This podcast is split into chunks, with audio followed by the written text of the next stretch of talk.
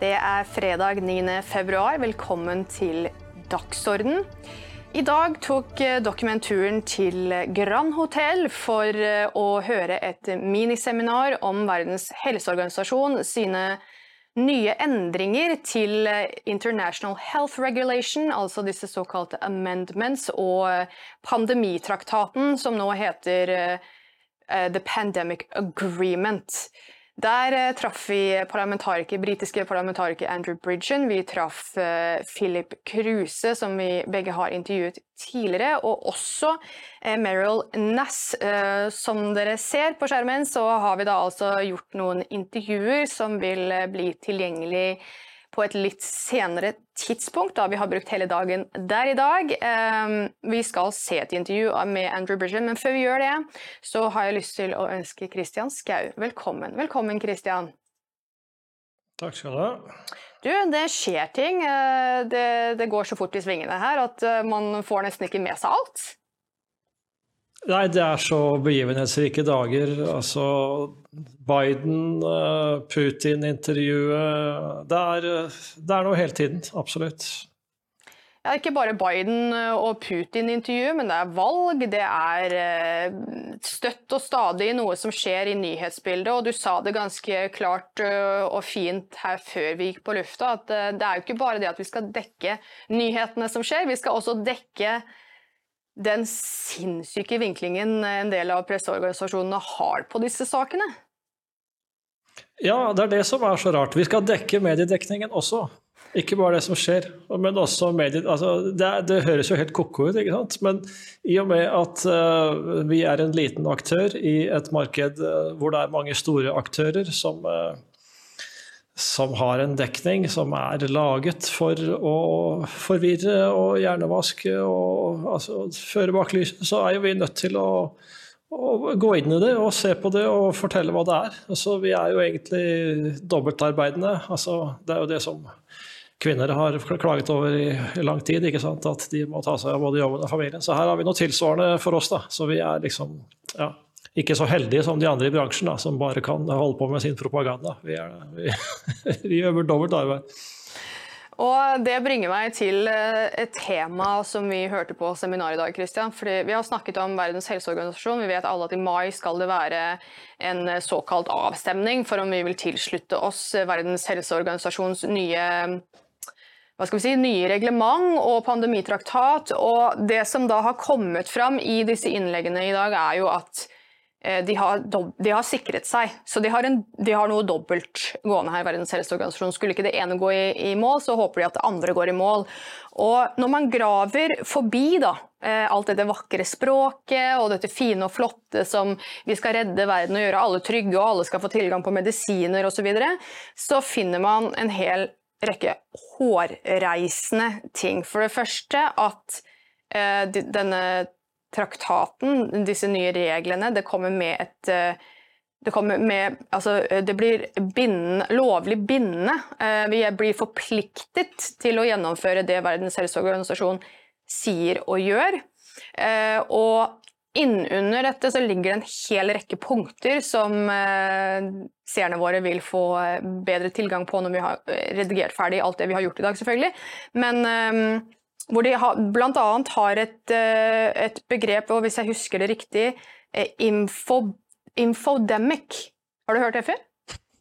Ja, ja, ja. Altså, det er når eh, det de mener er feilinformasjon, sprer seg som en epidemi. Ja, ja eller for mye informasjon.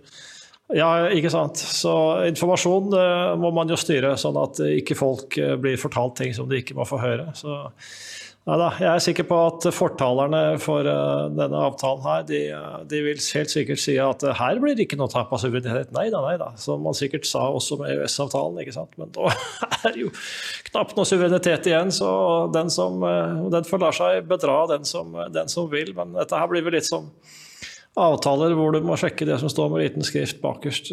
Hvor det, det er der du blir lurt. Så det er ikke det som vil bli satt i forgrunnen, selvfølgelig. Og det er nettopp det advokat Philip Cruz har gjort. Han, jo, han, har også et søksmål på gang eh, som han har personlig finansiert, også med hjelp selvfølgelig, men han har lagt hele sin sjel i dette her. Eh, han er da altså advokat fra Sveits og spesialist i konstitusjonell rett. Og han bruker det da mot Verdens helseorganisasjon, så han har mye spennende å by på. Og også Meryl Ness, som er amerikansk lege, hun har også satt seg dypt inn i, inn i den lille skriften, kan du si. Og det som kommer fram, det burde ta fra alle nattesøvnen, og spesielt når vi da har helsebyråkrater som nå har fått denne makten fra eh, vår regjering. Det skal ikke innom Stortinget engang før, før de kan ta i bruk en del av denne utvidede pandemiloven som nå har blitt lovfestet og gitt til helsebyråkratene. Eh, og det er jo det de vil at Verdens helseorganisasjon skal bli for oss, altså en, en overnasjonal makt som kan pålegge oss bl.a. klimalockdown. Faktisk, ja. Sånn er det blitt. Eh, det skal alle sammen få mer informasjon om i intervjuene. Hadde du en kommentar der, Kristian? Ja, jeg tenkte på Hvis, hvis Kjerkol fremdeles vil være helseminister, så vil jo da bare hun ta klipp på livet av det WHO sier, selvfølgelig. Det er hun ganske flink til. så da, da ja, har hun, hun, har jo gjort en master på det, Kristian, så dette kan hun. Eh, men det som er så trist da, er jo å tenke tilbake på det ble presset fram en debatt. Det, det, var, det var, fra grasrota. ble presset fram en debatt om dette på NRK. Debatten, Fredrik Solvangs-debatten. Eh, og det eneste de gjorde der, det var å stå og lyve. Eh, og det, det er fakta. De løy. Og de vet bedre, men de løy. Så sånn er det. Men jeg tenkte, før, før vi um, slipper løs disse mer teknik tekniske intervjuene eh, og del av foredraget, så tenkte jeg vi skulle se på Andrew Bridgen. Vi kan se hva han har å si fra et politisk ståsted, Christian. Så eh, prater vi litt om det etterpå. Vær så god, Lars.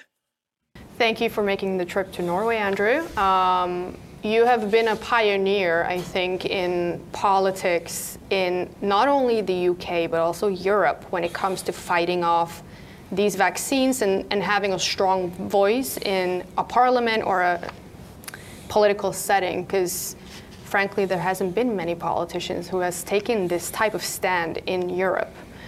And um, you said something during your talk here today about rewarding politicians who make the wrong like the wrong decisions, who makes not necessarily mistakes, I don't want to call them mistakes, but they make decisions that are harmful to their people, and all of a sudden they're pushed through up the system. You talked about the health official from India, for instance, there has been other people.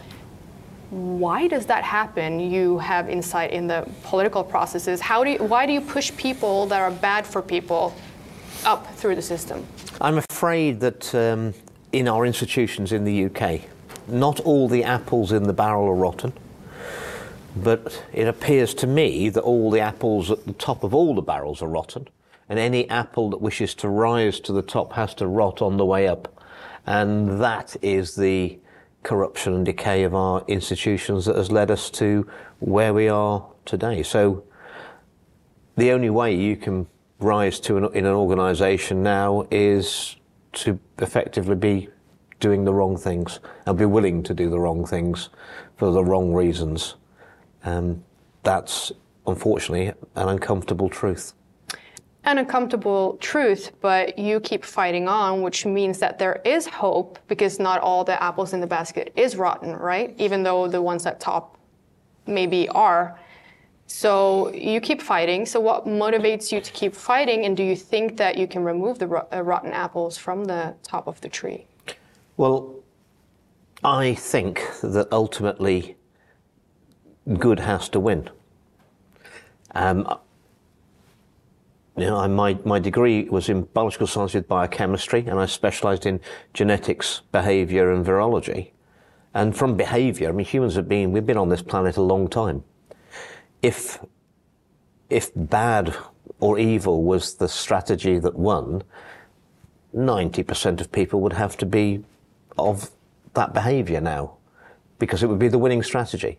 Well, I, I think 80, 90% of people in the I, I, meet are actually good people trying to do the right thing.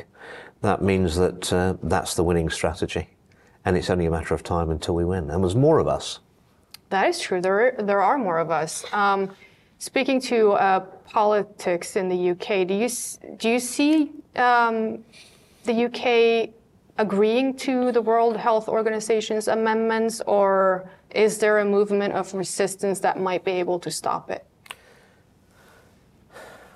No, but the, the all the major parties want it, and it was very clever. Um, if you think about it, it was, during the pandemic, we had the Scottish National Party were in charge of Scotland, we had the Conservative Party in charge of England, and the pandemic response, the vaccines, the lockdowns, and we had the Labour Party in charge of Wales. So all of those major parties, the three major parties in the UK, political parties, they've all got their hands in the blood and they've all got a vested interest in saying, oh, we did everything right. We, did, we followed the WHO recommendations during the pandemic and it was the right thing to do. So, yeah, they're all committed to the WHO taking these, these powers.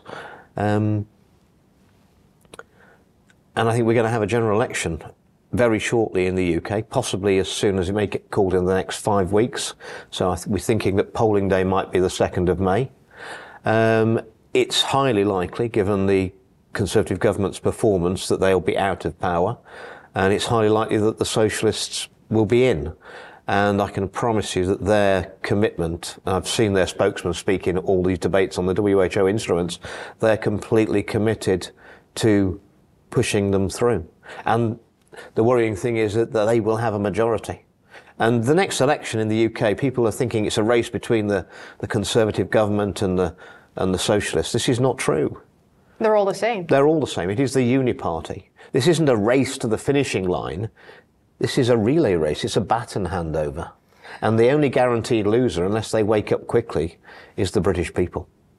So you've been fighting uh, the vaccines for quite some time, as we said, um, but you also are raising awareness about adverse effects of these vaccines and the and the excess deaths. Yes, and the excess deaths. But you know, the government, not only the UK government, but the governments in, in general don't want to take responsibility for this. And it came out September last year, this Pfizer contract between South Africa and Pfizer, where they don't have any responsibilities written in black and white on this contract and where they don't where they say they don't know the efficacy they don't know the safety they don't know the long-term effects of these vaccines and um, so the government has uh, accepted this as a premise for rolling out these vaccines, and now they don't want the responsibility. Well, I, I, is that a, is, is that the biggest motivation to to get on board with the uh, World Health Organization, so they never will have to have responsibility. Well, that, that's in the instruments that uh, vaccine manufacturers will have immunity from prosecution and vaccines will be brought out in 100 days, untested on humans, with no comebacks on the WHO, governments, doctors, or, or the vaccine manufacturers. So that's completely um, unex- unex- unacceptable.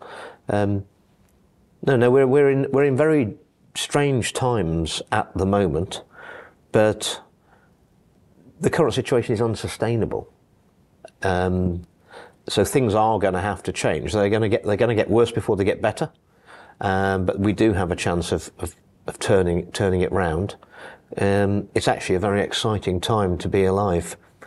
It is, isn't it? It is. I'll ask you the same that I asked uh, Meryl uh, as a last question. What would you say to people? What can they do to fight this? What is your best advice? well, first of all, this? don't take my advice. All the issues that we're talking about, information is out there. There's a lot of scientific papers, although about 300 have disappeared uh, off uh, off the internet. Uh, they've been deleted. Hmm. Uh, inconvenient truths.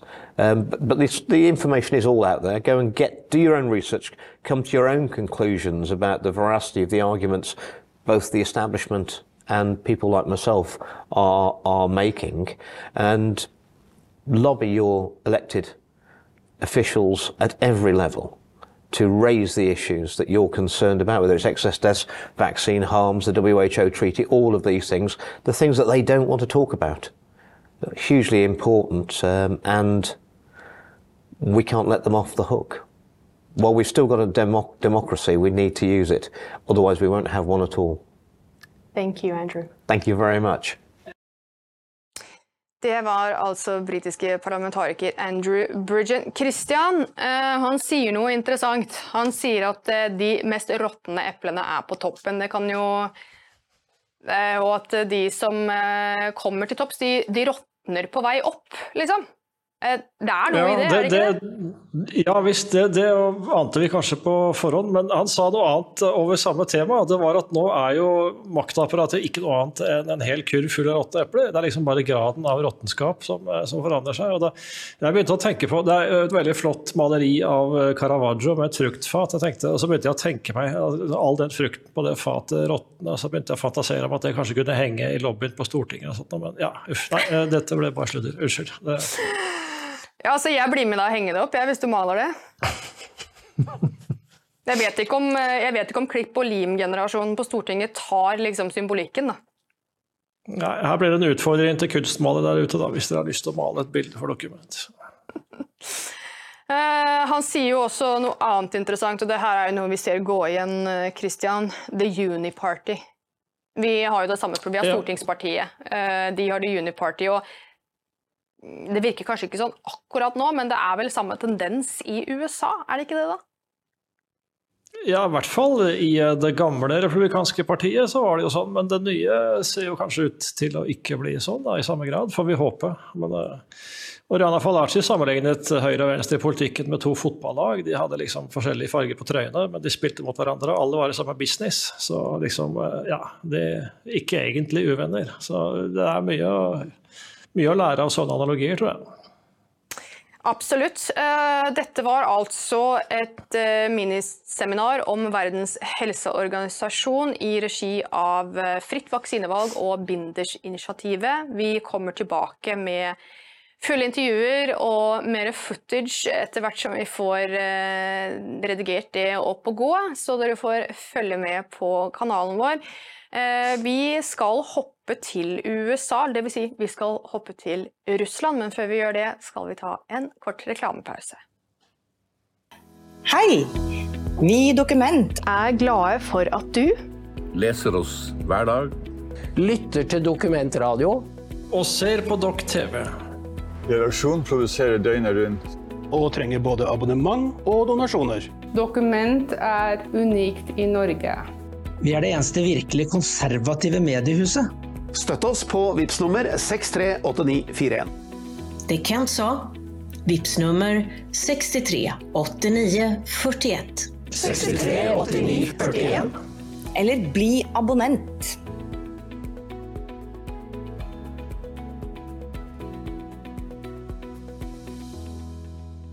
Er du lokallagsmedlem? Mm, ikke det? Nei, da har du muligheten å melde deg inn. Velkommen til oss. Bli abonnent. Husk at vi både går på jobb og passer barna og vasker huset og setter på vaskemaskinen og henger opp klær og gjør alt samtidig, for vi må ikke bare dekke nyheter, vi må også dekke nyhetsdekningen, som Kristian sier. Og apropos det, Christian, det har vært mye eh, nyhetsdekning når det gjelder eh, Tucker Carlsons intervju med Vladimir Putin. On Um, February Her ser vi et eh, utklipp fra dette intervjuet som ble gjort i Kreml. Eh, var det, det er noen dager siden. Det ble sendt eh, midnatt i går. Du har sett det, jeg har sett det, mange millioner har sett dette intervjuet. Hva er det du tar med deg? Sånn, hva var dine opprinnelige tanker da du så dette intervjuet, Christian? Ja, det var jo eh, Putins lange historiske utlegning som gjorde størst inntrykk på, på Tucker, og det må jeg si gjorde inntrykk på meg også. Eh, Han, dette intervjuet varer i to timer, og han skal liksom gjøre en historisk innledning, men når intervjuet er ti minutter gammelt, så holder han fortsatt på å snakke om historien. Der han kommet fram til 1600-tallet. ikke sant? Og, og det, det er helt uh, Altså, vi vet jo at mennesker i Sentral- og Øst-Europa og Russland generelt er jo mer opptatt av historie enn vi er i uh, Vest-Europa. Um, vi har jo gitt ut en bok som heter uh, vaklende Europa' av Carl Viby. der han forteller om sine erfaringer som diplomat i Polen, og Serbia og Nord-Makedonia. Og noe av det han fremhever, er jo i hvilken grad man er historisk bevisst og har store kunnskaper om det som har skjedd. Og det samme gjelder jo da i enda større grad Putin. Og det er klart, når, vi ser han snakker med et sånt engasjement om hele Russlands historie fram til i dag, over et ja, hva er det, kvarter, 20 minutter, så, så skjønner vi jo at han lever jo på en helt annen mental planet enn det politikere og folk flest i Vesten gjør. Det, det, er ingen av oss som starter en, en, analyse av norsk politikk i dag med å begynne å snakke om Harald Hårfagre og vikingtida. Og, altså, det, det, ville vært fullstendig fjernt. Altså, i, i, Vesten så tenker vi liksom i moderne termer, da. Etterkrigstiden, en regelbasert verdensorden der man ikke lenger eh, går til krig. Og, altså, mens eh, Putin han lever jo da i en, eh, en, helt annen verden. En maktpolitisk verden, en nasjonalistisk verden, hvor liksom ja, fedrelandet er alt, ikke sant. Og, og, individet har verdi i den grad det er til nytte for fedrelandet. Sånn, sånn tenker jo ikke folk i Vesten så mye lenger. Og det som jeg bet meg mest fatt merke i, det var jo da han begynte å snakke om Katarina den store.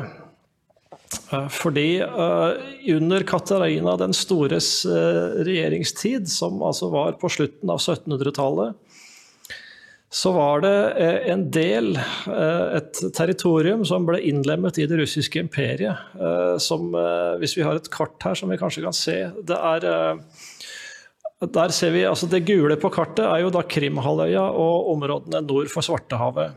Og eh, den blå stripa i midten er jo da elven eh, Dnieper, eller Dnipro. Eh, og dette gule området det ble i sin tid kalt for Novorossia, og det var et ord som Putin børsta støvet av i 2014.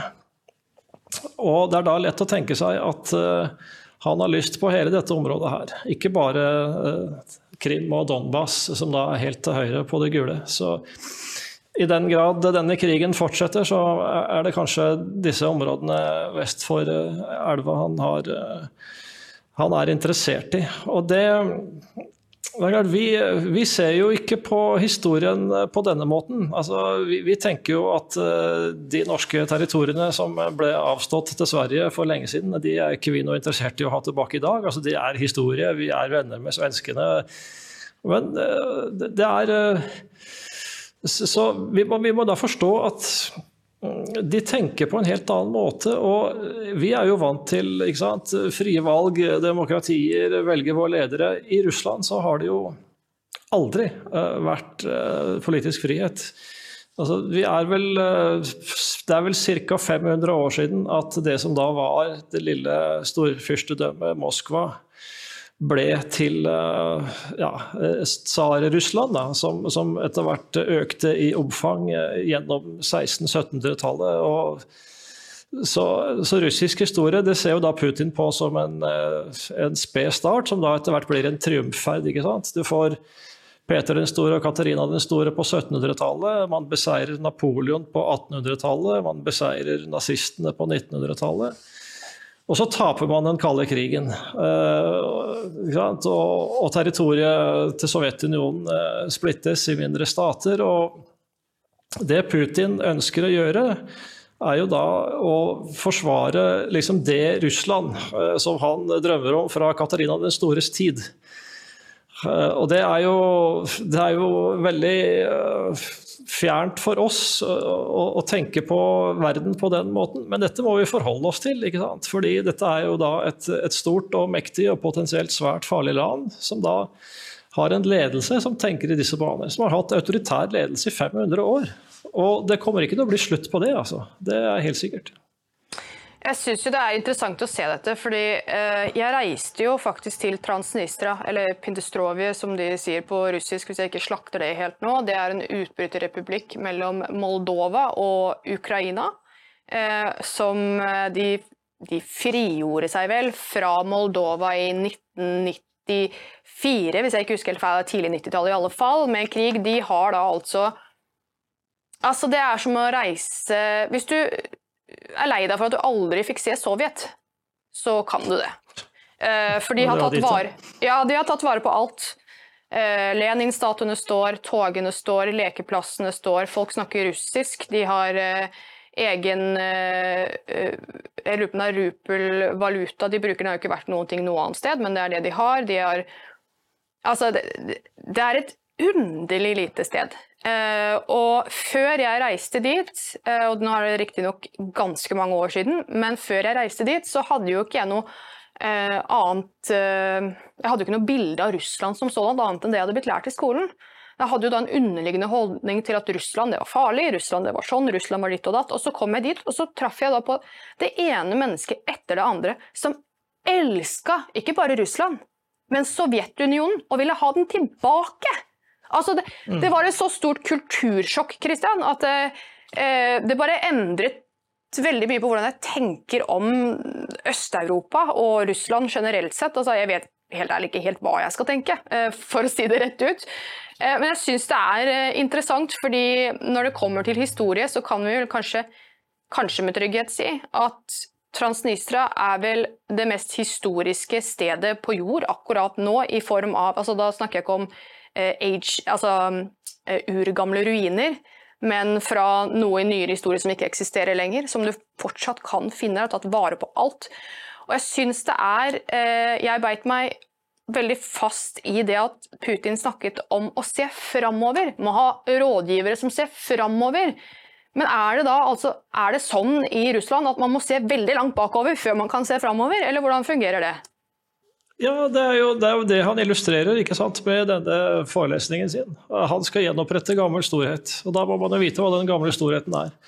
Og Transnistria er jo da i, i, venstre ende av det gule området som vi så på det kartet i stad. Så da ønsker jo han formodentlig å erobre hele Svartehavskysten, sånn at uh, han har kontroll der. Så, det, vi vet jo ikke hva som vil skje med denne krigen, om den uh, vil fortsette eller om den uh, vil bli og det vil bli forhandlinger og fred. Det avhenger også av hvordan det går i presidentvalget i USA.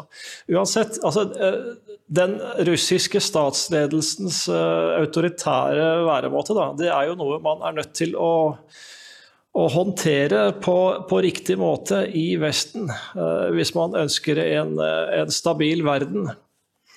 Og Da er jo spørsmålet om det er det uh, deler av det sikkerhetspolitiske apparatet i USA ønsker. Da. Altså, det er jo deler av det som åpenbart uh, etterstreber en konflikt med Russland. Og er da det så klokt, da? Det er, det er klart Den tradisjonelle strategien i Vesten vis-à-vis Russland det er en blanding av avskrekking og beroligelse. Du skal være sterk nok selv til at de ikke vil prøve seg på Vesten. Så skal du samtidig eh, berolige ved å si at ja, vi er jo ikke interessert i å gå inn på deres enemerker. Og da er det jo Putin sier at det er jo det dere har gjort i Ukraina. Uh, og den analysen har jo f.eks. paven delvis gitt ham rett i, da, ved å si at uh, ja, jeg veit ikke hvorfor denne krigen starta, sier han, men man kan vel kanskje si at Nato hadde vært og bjeffet ved Putins dør. Og det det kan det kanskje være noe i. Eh, så eh, jeg vil jo tro at en fyr som Trump har mye lettere for å se på dette her med de samme skal vi si, maktspillende, machiavelliske øyne enn det, enn det Biden-administrasjonen har. Hvor eh, det åpenbart er noen som, som etterstreber krig. Og det, det bør man ikke gjøre, for det er så potensielt livsfarlig for oss alle sammen. Men det var, en, det var jo en interessant dans som foregikk mellom eh, Putin og Tucker, fordi um, Tucker spør jo da på flere måter gjentatte ganger er Zelinskyj Innehar Zelinskyj den posisjonen at han kan si at ok, nå vil jeg ha fredsforhandlinger? Kan han ta det steget og si at nei, nå vil jeg skvære opp med Russland? Eller er det USA som trekker i trådene? Og Putins ja, da, da, sa vel Ja, vær så god. Ja, vær så god. Kom igjen, Christian. Du først. Ja, Putin sa vel at uh, Zelenskyj har den autoriteten, da. Sa han ikke det, hvis jeg husker riktig? Putin sa det, men allikevel så ligger det en tone under der hvor Biden er ja, altså Jeg tror jo ikke et øyeblikk på at det er Zelenskyj som bestemmer dette her. Eh, og jeg tror jo at Putin lyver akkurat eh, så ofte han finner det hensiktsmessig å gjøre det. Eh, og han ble jo sydlig irritert helt på starten av intervjuet, fordi Tucker minnet han om en uttalelse der han hadde snakket om at, at, Russland hadde grunn til å frykte angrep fra Vesten. Og Det var jo noe han hadde sagt uten å mene det, så han, han begynner jo da å si at hør her, skal vi ha en seriøs samtale, så ikke, ikke snakk om dette her. Så han ble jo helt klart ukomfortabel. så så de som eh, fremstilte Tucker som et mikrofonstativ, kanskje uten å ha sett intervjuet, de gjorde det på litt sviktende grunnlag, vil jeg jo si. Så, det var jo en pen måte å si det på, da. Ja. Putin ble jo også ukomfortabel da, da, Tucker sa at han syntes eh, Putin virket bitter over at Vesten liksom hadde eh, avvist den utstrakte hånden da, fra både Boris Jeltsin og ham selv i de, skal vi si den tiden da det var en smule avspenning. Mm. Eh, en annen ting som jeg merka meg, Kristian, det var jo som, fordi Vi skal komme til dette med medie... Vi skal mediedekke mediedekningen eh, av dette. Men før vi kommer dit, så eh, sa jo Tucker Nå husker jeg ikke navnet på denne amerikanske journalisten, jeg beklager det, kanskje du husker det? Han som sitter fengslet i Russland for spionasje. Um, han tar jo Putin på definisjonen av hva en spion er. Uh, han, uh, han uh, tilbyr seg å, å, ta med seg denne journalisten hjem fra Russland på sin, sin hjemreise fra Moskva, og spør egentlig ganske, ja, på en måte pent, om, om man kan få med seg. Eh, jeg vil jo ikke si at det er en sånn veldig sånn landsforrædende holdning eh, fra Tucker, da. Eh, som han jo blir beskyldt for ikke bare å være mikrofonstativ, men også for å være landsforræder mot USA og skal bli foreslått utestengt fra EU. Altså det, det, er jo ikke måte på hva de, hva de kaster på Tucker her. Men, men uh, dette her med uh, definisjonen på spion, når Putin sier at dersom du uh, tar imot hemmelig informasjon, klassifisert informasjon på, i hemmelig møte, så er du per definisjon spion. Det er russisk lov. Ja. og det det er jo ikke akkurat en definisjon vi vil akseptere. Vi vil jo bare si, se på det som journalistikk ikke sant? og en hemmelig tjeneste som da måtte gå i baret på den måten, vil da tenke at ja, ok, der var ikke vi flinke nok til å passe på våre hemmeligheter. Så det er klart, i en russisk eller en Putins optikk så er jo han da spion. Eh, det er klart, vi er jo glad for at vi lever i en del av verden hvor det ikke er 15 års fengsel for å drive journalistisk virksomhet som ikke behager regimet. Da hadde vel vi fått de 15 årene for lengst, vil jeg tro. Så... Vi hadde vel hatt 100 år, vi, tenker jeg. Ja, ja ikke sant. Men uh, det som er bekymringsfullt med Vesten, er jo at vi begynner å imitere, etterligne noen av de autoritære statenes metoder. Altså maktapparatene i Vesten begynner å bli ganske ufine. Så det er jo det er klart, vi, Man gjør jo rett i å, å, forsøke å holde Kinas og Russlands og andre autoritære regimers uh, innflytelse over oss uh, på, på armlengdes avstand. Men uh, vi burde jo absolutt feie for egen dør også, da. Ja, altså Vi har jo flere eksempler på personer som jo har blitt forfulgt. Du har Snowden, du har Julian Assange. det, det, altså eh, journalistisk sett så går de jo inn for å sensurere, og med denne um, Infodemic som de tar opp i Verdens helseorganisasjon sine eh, amendments, så skal det jo da legges helt lokk på journalistikk eh, som ikke behager eh, organisasjonen.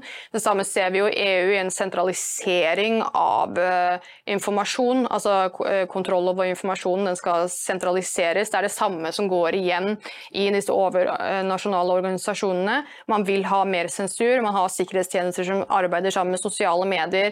Vi har Trusted News Initiative, nå vet jeg ikke om det er nedlagt eller ikke. Men altså, det har jo vært en det har vært, eh, det har ikke vært fair play eh, når det gjelder journalistikk, eh, Christian, i Vesten heller. Nei, absolutt ikke. Og er, jeg syns det er helt betimelig at du minner om både Assange og Snowden. Fordi de har jo begge blitt beskrevet som landsforrædere på det tidspunktet da de gjorde sine ting. Altså Assange med, med, Wikileaks, hvor man fikk vite om amerikanske krigsforbrytelser bl.a. Masse andre ting også. Eh, om Hillarys e-poster. Og, og, Snowden, da, som avslørte hva slags eh, kolossalt omfang det er av den amerikanske elektroniske etterretningen. Det er klart du kan si fra, Sett fra et eh, et makthierarkisk eh, ståsted i USA, så kan du jo si at disse her var svikere, da. Eh, de eh, gjør det vanskeligheter for, for min makt. Og, men det er jo det som er journalistikk. Altså, hvis man ikke har plass til sånt i en offentlighet, så, så står det dårlig til. Det er klart Snowden røpet jo militære hemmeligheter. Og det er jo også grunnen til at han ikke tør å reise hjem. Men eh, han mente jo da at dette her var en hemmelighet som var så viktig at verden fikk vite, at det var viktigere enn hensynet, lojalitets- og taushetsplikten som han da hadde til sine oppdragsgivere. Og det vil jeg tro at ettertiden har gitt ham rett i. Men det er akkurat det samme hatet som nå piskes opp mot uh, Tucker Carlsen fordi han har dratt til, til Moskva og intervjuet Putin. Altså Som om som om det i seg selv var noe klanderverdig. Altså her er det vel snarere snakk om at uh, de journalistene som gjerne skulle ha intervjuet Putin selv, de er misunnelige på at uh, Tucker fikk det til. Uh, og det, det, selvfølgelig Putin har jo valgt en journalist som han vet ikke har som sin fremste oppgave å forsøke å fremstille ham i et verst mulig lys. Altså, Tucker lar ham jo komme til orde, uh, og lar ham få legge frem sin versjon av uh, En hel historietime, til og med? Ja, hel, ja, ikke sant. Og det, det vil jo aldri uh, disse store, kjente ankerne i CNN og NBC osv. De ville jo aldri gått med på noe sånt. Så det er klart uh, Tucker ble akseptert også fordi han ikke har en aktivt antirussisk linje, som man nå er nødt til å ha hvis man skal liksom være står da, i mainstream media i, i Vesten. Men jeg syns det er interessant dette her med demokrati. Eh, fordi vi, vi, går så hardt ut her i Vesten og sier at vi har demokrati, vi har demokrati, vi har demokrati. Og så alt disse overnasjonale eh, organisasjonene med sensur og etterretningstjenester og alt det de holder på med å spirrer med i det derre epletreet som er råttent på toppen, det de holder på med i toppen der, det er jo å få mer makt, mer kontroll og sensurere mer. Eh, det er jo ingen transparens. Eh, og Det er jo det som kjennetegner et demokrati, og det er jo der journalistens rolle kommer inn. Det er jo fordi at vi skal se makten i korta, men nå har det jo blitt altså, De kortene er limt sammen, og kommer du inn imellom der, så, så blir du nærmest persona non grata. Sier du feil ting, så åpnes en heksejakt på deg. Se på Seymour Hirsch og hans dekning av Nord Stream, f.eks. Eller eh, de to vi nevnte Eh, som har avslørt ting. Altså, det blir jo ikke engang verdsatt i befolkningen lenger. Nei, det er det som er eh, problemet. Altså, journalistikken har abdisert og gjort seg om til å bli propagandaorgan for makten. Og så har den da fått folk flest med seg på, på den tan tankemåten. Det er jo et, et, forfall som er nesten helt utrolig. Altså, det, det, det burde ikke vært mulig. Og det, det, er klart at det er et element som, som, svekker kvaliteten på vårt demokrati. Og Særlig når det da får sånne konsekvenser som at hvis du er det vi da må kalle dissident i Vesten i dag, at du mener noe som er upopulært, så du blir ikke sendt til Gulag, men altså, du, du mister jobben, eller det er, det er, ikke noe behagelig, da. Det er klart det er jo vi alle sammen vil selvfølgelig heller bo i Vesten enn å bo i Kina eller Russland. Men det er jo ikke noen dans på roser i Vesten lenger heller, da, for å si det sånn. Nei, i Vesten hvor eh, Hva skal vi si eh, Mannen med mest makt, eh, presidenten av USA, ikke kan stilles for retten fordi han er for gammel og tullete, men han kan være president. Det er den ene siden av det. Ja, Hadde du lyst til å legge til noe? Ja, det, det, ja altså det var jo, dette var jo overskriften i Babylon B. ikke sant? At uh, han er for senilt til å bli stilt for retten, men han er helt i orden til å lede et land. Altså det, var jo, det var et perfekt sammenfall mellom virkelighet og satire. Altså det må jo være helt umulig å være satiriker i dag.